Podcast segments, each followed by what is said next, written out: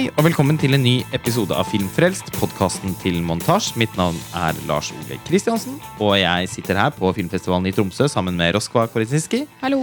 og Benjamin Jastan. Hallo. Vi har eh, sett eh, en av sesongens mest hypede filmer. eh, som er nominert til et vell av Oscar-priser, og som har mottatt stående ovasjoner fra et internasjonalt kritikerkorps. Det er snakk om Sam Mendes nye film 1917. En eh, første verdenskrigsskildring. Eh, ambisiøst eh, laget eh, med to, vel å merke, simulerte one takes. Eh, fotografert da, av eh, legenden Roger Deakins, som eh, er favoritt til å få Oscar i den kategorien i år. Han var jo lenge kjent som den mest nominerte fotografen uten pris. Men det endret seg da han vant for Blade Runner 2049. En særdeles eh, velfortjent eh, pris, syns jeg. Og, men nå er han altså mm, virkelig storfavoritt. eh, Og når det er snakk om sånne one take-eksperimenter, så vil jo alltid samtalen eller diskusjonen om dette egentlig med me- aller mest er en idrettsprestasjon, eller om det er faktisk er helt fantastisk sånn cinematografisk eh, virkelig interessant eller eh, gripende melde seg. Det, vi får se hvor eh, mye tid vi setter av til akkurat den biten.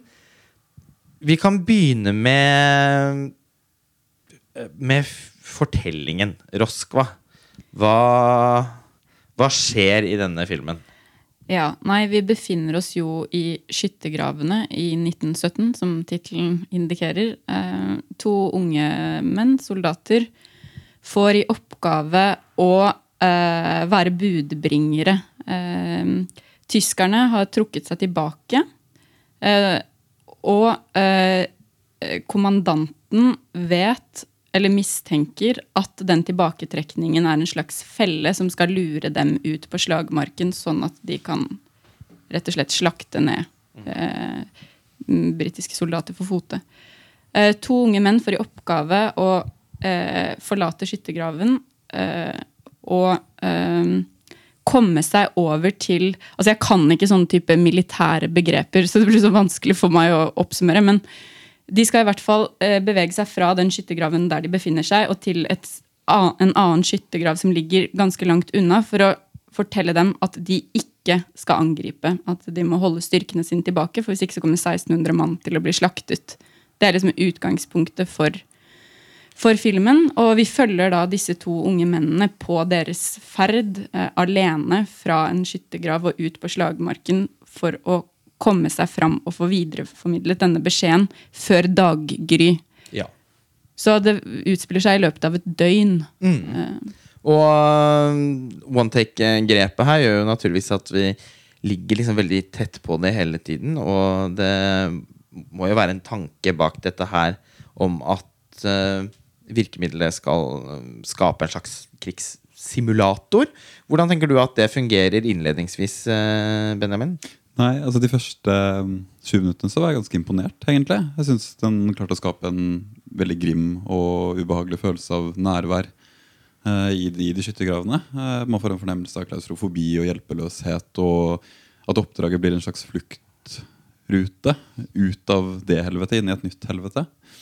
Uh, synes jeg filmen innledningsvis legger opp fint til en sånn Det er noe nesten Indiana Jones eventyraktig over den ferden. Jeg tenkte faktisk på 'Ringenes herre', for det er en litt sånn Frodo-Sam-relasjon mellom de to guttene også. Mm. Uh, og den dynamikken syns jeg funker, funker ganske fint innledningsvis. Så tar det omtrent en halvtime, uh, og så merker jeg at jeg begynner å få ganske mange sterke motforestillinger mot både filmfortellingen og, og filmen under ett. Og det innvarsles jo da med det som nesten alltid skjer i maskuline krigsfilmer. At det kommer sånn gutta krutt-aktige vitser på rekke og rad. Du mister den ene hånda di, oi, da må du runke med den andre. Ja, men det er jo den jeg bruker uansett. Ha, ha, ha. Så sitter det en fyr og leser litt. Han har en barsk og ma- maskuline, men også en sensitiv side. Han er litt Hemingway. Så har man en fyr som sitter og patter på en pipe. Og så har man en annen fyr som er desillusjonert. Og så snakkes det om familien hjemme i England. Og så er det patriotisme, men ikke så mye, for det er ikke så greit i dag. Og så så følger den oppskrifta. Eh, og så syns jeg egentlig det one take-trikset Altså Det insisteres ikke så mye på one take-trikset at det blir et presserende eller provoserende triks på samme måte som en del andre one take-filmer de siste årene. Jeg er jo ikke noe fan av det grepet i det hele tatt. Men um, det forsvinner egentlig litt i bakgrunnen, og så blir det en ganske konvensjonell, ordinær krigsfilm. Ja. må jeg si. Og den blir dårligere og dårligere etter hvert. Altså, morsomt og godt og oppsummert, uh, syns jeg. Eh, Jeg var også veldig med i begynnelsen der. Fordi når vi egentlig den, Jeg syns filmens mest virtuose sekvens egentlig er den hvor vi følger de på vei ut av skyttergraven de opprinnelig er i. helt, helt enig. Det var virkelig suggererende. Ja, og de klarer også altså Det er jo et veldig sånn solid foto, altså, og også til tider veldig vakkert. Eh, konvensjonelt, men vakkert. Og, og det er en skildring av liksom den skitten og gjørma og liksom sår og kropp som er ganske virkningsfull. Og etter at vi hadde sett den, så nevnte du, Benjamin, at samtidig er det ikke sånn at du får den følelsen at du selv er der. Det er ikke en sånn type eh, brutalitet i bildene. De er veldig maleriske, men samtidig så er de eh, De er groteske. Eh, og det er liksom billedspråk som jeg i hvert fall syns var ganske sånn spennende å observere. da. Eh, og på et tidspunkt så tenker jeg jo at han ene soldaten kanskje kommer til å dø av en infeksjon, og ikke av noe som har med krigen å gjøre. Fordi, uh, og at det kanskje er liksom filmens budskap. da. Uh, for det er så, vi kommer så tett på den faren som ikke er på en måte motstanderen, men som er naturen. da. Eh, og det blir en film som også på en måte sier noe om ja, menneskene på en måte ødelegger hverandre, men naturen er også en ganske sånn voldsom og brutal kraft. da. Ja, bare forråtnelsen i seg selv. Mm. Altså, og det er jo Det gjør jo veldig inntrykk på meg. Og alle disse rottene som pipler fram, og eh, bleke lik uten øyne. Og, det er, Mye døde hester. og døde hester og dyr. Og det er ganske sånn skrekkfilmaktig framstilt på en effektiv måte. Men ja, kan jeg komme med et innspill til det? Ja. Um, for på den ene siden jeg er helt enig. Det er en påminnelse om krigens brutalitet og utvisking av menneskelighet eh, osv. Men så syns jeg likevel klarer å låse seg selv til en sånn veldig klassisk, heroisk, individualis individualisert heltefortelling. Eh, og det er jo mer eller mindre ironisk all den tid første verdenskrig er kjent som den krigen som markerer slutten på forestillingen om en heroisk død. Uh, og det er ikke nødvendigvis at Sam Mendes burde ha tatt det med i refleksjonen, for det er jo en sånn det er nesten i dag en selvfølge, og det er ikke så interessant å påstå at uh, det ikke er heroisk å dø i krig. Det, det vet vi jo. Men eh, den, den virker en Ja, den virker på akkurat det punktet litt idéfattig. At den er ikke den er ikke så opptatt av å diskutere forestillingen om død, verken i krig eller utenfor. Det hadde i og for seg vært greit, hadde den vært presserende nok som audiovisuell historiefortelling. Og opprettholdt nå den intensiteten den har de første 25 minuttene. som vi har snakket om, Men det, det føler jeg ikke at den gjør. Nei, altså, hvis filmen skulle fungert eh, bedre Altså virkelig bra for meg, så hadde det vært en sammenhengende actionsekvens. Altså et, et, et rebusløp, på en måte, med forskjellige eh, intense, farlige situasjoner. Det som gjør at filmen ikke lander så godt for meg, er at, uh, at den muligheten kanskje skusles litt bort. Man kan også si at den filmen kanskje er helt umulig å lage i den one take-formen. Fordi det gjør jo at man Altså, 40 minutter fram i filmen så er det på en måte noen filmarbeidere som sitter og forbereder noe spektakulært som skal skje. Og, eh, og fra kameraet blir slått på, så trenger man den og den tiden til å komme. Og som sagt, det er ikke, et, det er ikke faktiske one-takes, det er simulert, men det er fortsatt veldig lange og kompliserte tagninger. Og resultatet, også pga. filmens fortelle, det er jo et fortellervalg også, ikke sant? Det er jo litt sånn første verdenskrig minutt for minutt. Og da er vi nødt til å følge de rollefigurene eh, fra det punktet til et annet punkt helt uavbrutt. Og da blir det jo gjerne sånn at kamera bare sirkler rundt dem mens de går opp og ned åser og snakker om de tingene du nevnte i stad, Benjamin. Stopper ved en forlatt gård og drikker et glass melk eh, fra en død ku. Eh, altså så, og, det, og de tingene kunne selvfølgelig vært interessante, men der føler jeg ikke at filmen har en tydelig nok visjon om hvorfor den skal bli fortalt. Ja, jeg er kanskje litt uenig. Jeg tror muligens jeg liker filmen litt bedre enn det dere gjør. Jeg, jeg syns at en del av de der dvelende, langsomme partiene hvor vi bare får en følelse av den ferden han er på Han kommer bl.a. til en brennende by. Eh, og, ja, og han eh, befinner seg i en elv hvor han nærmest bevisstløst liksom klamrer seg til et trestykke, og så begynner det å drysse noe sånn kirsebærblomster ned på ansiktet hans. Altså, jeg syns egentlig de sekvensene er eh, ganske fine, og jeg syns at bildene er slående nok til at det holder på interessen min.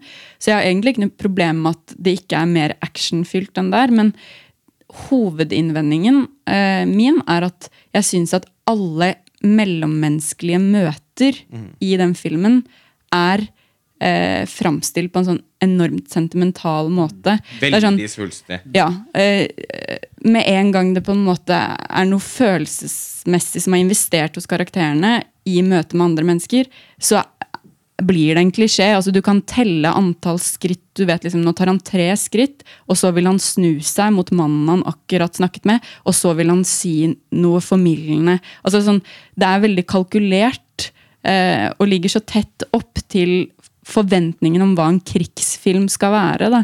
Eh, at det liksom klapper sammen. Og det er noe eh, teatralt snarere enn poetisk, syns jeg. Også er over de sekvensene. Og det, Sam Mendes har bakgrunn i teatret, og man kan, det er litt synlig, syns jeg. Eh, og ikke minst i den Ja, hva skal man si? Eh, denne slags intermessoen i filmen hvor eh, den ene av de to soldatene møter en frans, ung fransk jente som har blitt mor til et barn, eh, og hvor det liksom oppstår en slags eh, connection der som føles veldig villet og skrevet, og som egentlig er blir et liksom sånn pinlig innslag, fordi det er ikke Altså, det, det, det er ikke dette filmen handler om. Det eh, hvor, og det er ikke nødvendig for oss å ha den liksom karakterpsykologien der.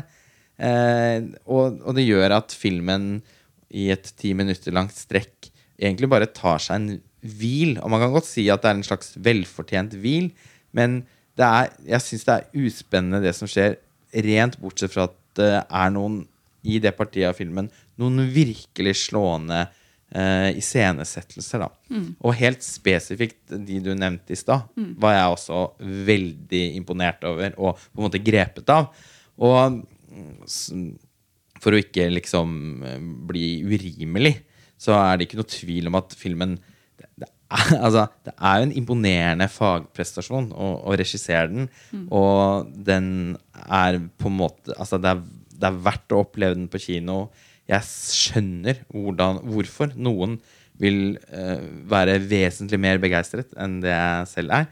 Samtidig så kan jeg ikke fornekte at jeg sitter igjen med en tomhetsfølelse. Jeg var ikke berørt. Jeg syntes ikke det var så spennende. Den bruker for lang tid på en eller annen måte. Eh, jeg, jeg satt faktisk og kjedet meg litt i flere strekk av, av filmen. Og jeg opplevde heller ikke at, eh, at eh, avslutningen gjorde at den liksom løftet seg på noen måte. Er ikke, er, den er liksom på, un, på en underlig måte, selv om den er så konsekvent i formspråket sitt, så oppleves den likevel ikke så selvsikker som f.eks. Dunkirk da, til Christopher Nolan. Som Hvor- er en urettferdig sammenligning for enhver krigsfilm. så. Naturligvis. Men, men ja, den og, tenker man jo på Samtidig som den jo prøver på noe lignende nettopp fordi den Altså den har jo ikke den der intrikate liksom, tidsforskyvningen og sånn som fins i Dunkerque, men, men den har en sånn mm, vilje til å si noe om krig som ikke på en måte handler Ja, det handler om disse mennenes skjebne, men det handler om noe mer og noe annet. Så sånn sett den, den prøver å, å være altså, så Jeg føler den lener seg mer mot noe sånn billedkunstaktig på samme måte som Dunkerque også til tider gjør det, enn at den er en mer sånn klassisk historiefortelling. Men, men det er nesten som den burde vært mer vågal i det valget. altså sånn, Bare vært det, da, i Ja. så fall. Mm. Eh, Så det blir litt, altså, resultatet er litt vinglete. Og der Nolan eksempel har Altså, han har liksom muskulatur nok til å tørre å kline skikkelig til da, med Hans Zimmer synter og, og sånn. Og skape noen filleristende emosjonelle øyeblikk. Og det gjør ikke Sam Mendes. Eh, og det er ikke fordi han er subtil, for han er vesentlig mer svulstig for samtid. Mm. Eh, men eh, det bare det, det kommer ikke helt sammen for meg. Så, Og jeg var skuffet over Thomas Newman sitt soundtrack òg. En komponist jeg er veldig begeistra for. Og Kjedelig. Litt lite ja, jeg opplevde ikke at han, at han løste den oppgaven på en spesielt interessant eh, måte. Og, og, i, og det var også litt påfyll, påfallende at han nærmest har liksom stjålet klokketikkingen fra Zimmer og Benjamin Walfish sitt uh, Dunkirk-soundtrack. da og, og, det var ikke like effektivt i, i, en gang til. Det, det, og jeg vet ikke helt. Det er noe, og det er noe litt, dessverre også litt sjelløst over Sam Mendes. Eh, jeg er blant de som fortsatt er veldig begeistra for American Beauty. Og jeg syns den andre spillefilmen hans, Road to Perdition, er helt fantastisk og latterlig undervurdert. Men Også veldig fin skutt. Road to Perdition. ja, av Conrad L. Hall, som jo vant Oscar for både American Beauty og den. Eh, En sorg at han var så gammel, da, dessverre, at det ble de to siste filmene han gjorde for Mendes. Men, eh, og jeg har masse pent å si om Revolutionary Road. Eh, men etter den, og, og jeg i og for seg mange fine ting å si om Jarhead også, men han har ikke for meg laget en fullendt film etter eh, nummer to, da.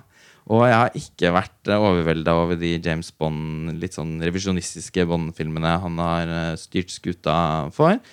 Og var jo virkelig spent på å se om Sam Mendes kunne komme tilbake eh, som filmskaper eh, med en veldig tydelig stemme og identitet. Og det opplevde jeg i hvert fall ikke. da. Så jeg har i og for seg da også mm, sett en annen film om krig eh, i Tromsø, som eh, også er nominert til mange Oscar, nemlig Taika Waititis Jojo Rabbit. Som handler om en liten gutt som er helt fanatisk opptatt av Hitler. og Som blir med i Hitlerjugend. Og så har han en mor, spilt av Scarlett Johansson, som eh, vi etter hvert skjønner at jobber for en slags motstandsbevegelse.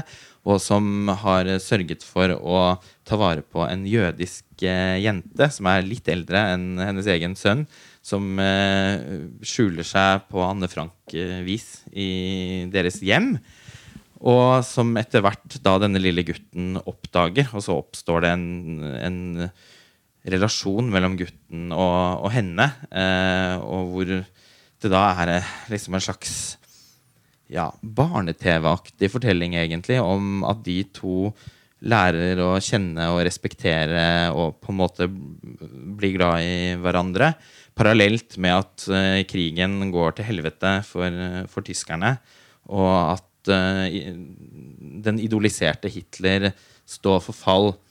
Og guttens på en måte indre drama skildres komisk. da. Filmen er jo mm, tenkt som en komedie, eh, selv om jeg vel aldri Altså, jeg tror jeg lo én gang i løpet av hele filmen. Men eh, humor er jo vanskelig og bastant eh, dikt... Altså, man kan aldri diktere hva som fungerer humormessig for, eh, for noen, fordi det er så individuelt. Det var mange Altså, det var folk som lo godt i salen, eh, bare ikke jeg. Men eh, som sagt, denne litt sånn, dette indre dramaet til den gutten er jo da fremstilt ved at eh, Hitler, spilt av regissøren Tarka Waititi selv, dukker opp som en sånn formanende og sånn tullete artigpetter. Eh, jeg, jeg må si at jeg syns at den filmen var eh, det, Jeg syns den er problematisk. eh, rent eh, Altså På samme måte som jeg har problemer med Roberto Beninis La Vita e Bella, så sliter jeg faktisk litt med at akkurat det der eh, blir en kilde til humor. Selv om jeg også er en forkjemper for at alt skal være mulig å spøke med. Men jeg bare syns ikke det var noe gøy. Og eh, den, en, den forsøker seg på en sånn Wes Anderson-aktig Moonrise Kingdom-estetikk. Eh, en film jeg er innmari glad i, og dette er en blek kopi fordi Taka Waititi mangler hans gode smak og filmskapertalent. Så for eksempel er den innmari stygt fotografert på digital video. Mye fint produksjonsdesign og fine, kule kostymer, faktisk. Eh, fotografert på en annen måte, så kunne kanskje filmen fått en eller annen slags eh, tekstur, eller altså, i det minste en periodefølelse, på tross av masse anakronistiske elementer. Men eh, i sum så syns jeg det er helt oppsiktsvekkende at den har eh, mottatt så, eh, så mye anerkjennelse. Eh, og begge disse to filmene er jo nominert til Oscar for beste film i år. Eh, Jojo Rabbit er nok ikke favoritt til å vinne noen ting, men, eh, men eh, 1917 er en storfavoritt i fotokategorien. Og faktisk også blant mange en slags favoritt til å ta prisen for beste regi. Og det har litt med å gjøre at vi Det er en komplisert Oscars-situasjon i år, egentlig mest fordi det er veldig mange bra og virkelig tungt anerkjente filmer som konkurrerer om de store prisene. Og eh, det var jo lenge Regikategorien var jo lenge vurdert som et kappløp mellom Eller en kappestrid mellom Martin Scorsese for The Irishman og Quentin Tarantino for Once Upon a Time in Hollywood. Eh, og jeg har følt meg veldig trygg på og, og virkelig håpet på at dette kunne bli Tarantinos knockout-år. Eh, men det, nå ser det plutselig ikke helt sånn ut lenger. Fordi faren for at stemmene fordeler seg veldig mellom særlig de to, eh, er veldig stor. Og da er- blir det gjerne sånn at det er en imellom der som i stedet tar prisen. Jeg krysser alle fingre og bein for at det blir Bong Joon-ho for Parasite. Det ville jo vært helt fantastisk. Eh, det hadde vært Og i beste filmkategorien så er jo f.eks. Joker da også en joker. Eh, men det kan også bli sånn eh, Det har jo vært litt sånn utskifting av eh, akademimedlemmer de siste årene, og man har vært litt opptatt av at det skal være folk fra flere forskjellige steder i verden, og ikke minst flere unge folk. For man mobbet jo tidligere akademiet for at det var så veldig en sånn gammelmannsklubb. Når det er sagt, det er fortsatt veldig mange gamle medlemmer der, og det er ikke helt eh, fjernt å forestille seg at mange av de kan lande på Altså kan, at, at det kan virke Kan bli fordelaktig for 90, nettopp 1917. Vi får se. Vi er jo i Tromsø og er alltid på vei til noe vi skal se, så vi er nødt til å avslutte podkasten. Benjamin, takk for nå. Takk. Raska. Jeg vil bare skyte inn helt på slutten at jeg syns ikke det er noe skandale hvis 1917 vinner for foto.